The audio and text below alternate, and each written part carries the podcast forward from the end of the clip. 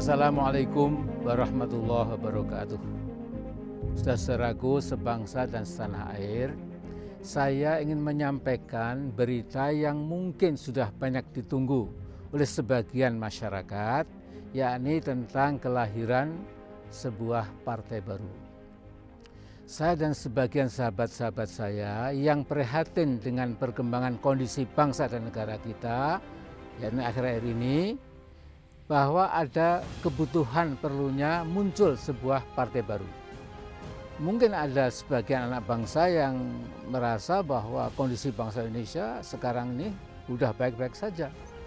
Tapi bagi kami banyak sekali indikasi yang menunjukkan bahwa sesungguhnya kita ini berada di ambang krisis. Krisis sosial, politik, dan ekonomi malaise. Ekonomi yang semakin buruk, suram, dan bisa-bisa menuju resesi berat ke arah depresi. Mudah-mudahan tidak.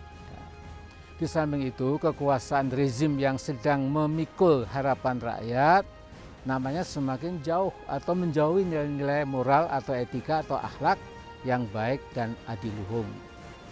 Karena itulah saya dan beberapa sahabat saya dari berbagai kalangan telah bersepakat bulat segera mendeklarasikan sebuah partai baru.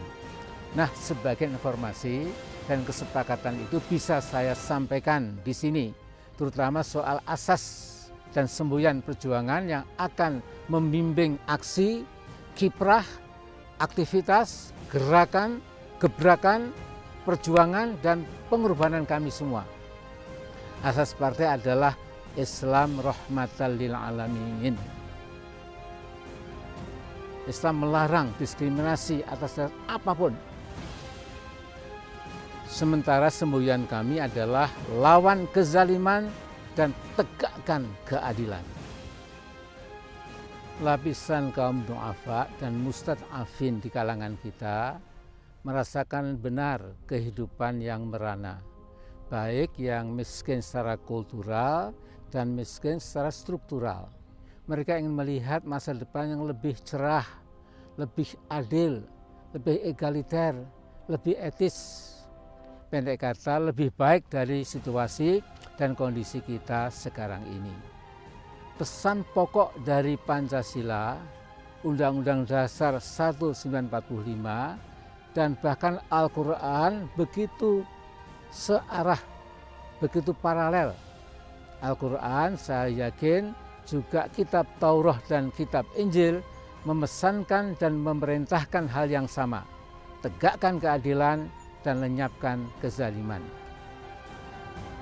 Allah berfirman artinya Allah telah bertransaksi dengan orang-orang beriman bahwa orang beriman telah menjual bahkan nyawa serta ambal kekayaan milik keduniaan kita ini ya, kepada Allah tapi akan diganti dengan surga yang indah yang merupakan sebesar-besar kemuliaan.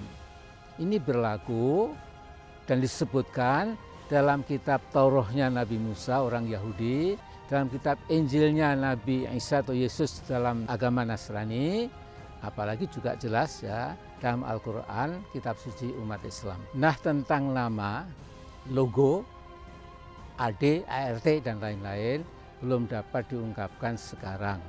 Mohon bersabar, tunggu tanggal, hari, serta bulan yang kami sendiri sedang bermusyawarah.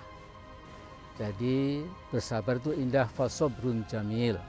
Karena itu inilah yang saya sampaikan lebih dahulu ya. Yang jelas jangan lupa asas kita nanti adalah Islam rahmatin alamin. Sekian dulu lawan kezaliman, tegakkan keadilan. Merdeka! Allahu Akbar. Assalamualaikum warahmatullahi wabarakatuh.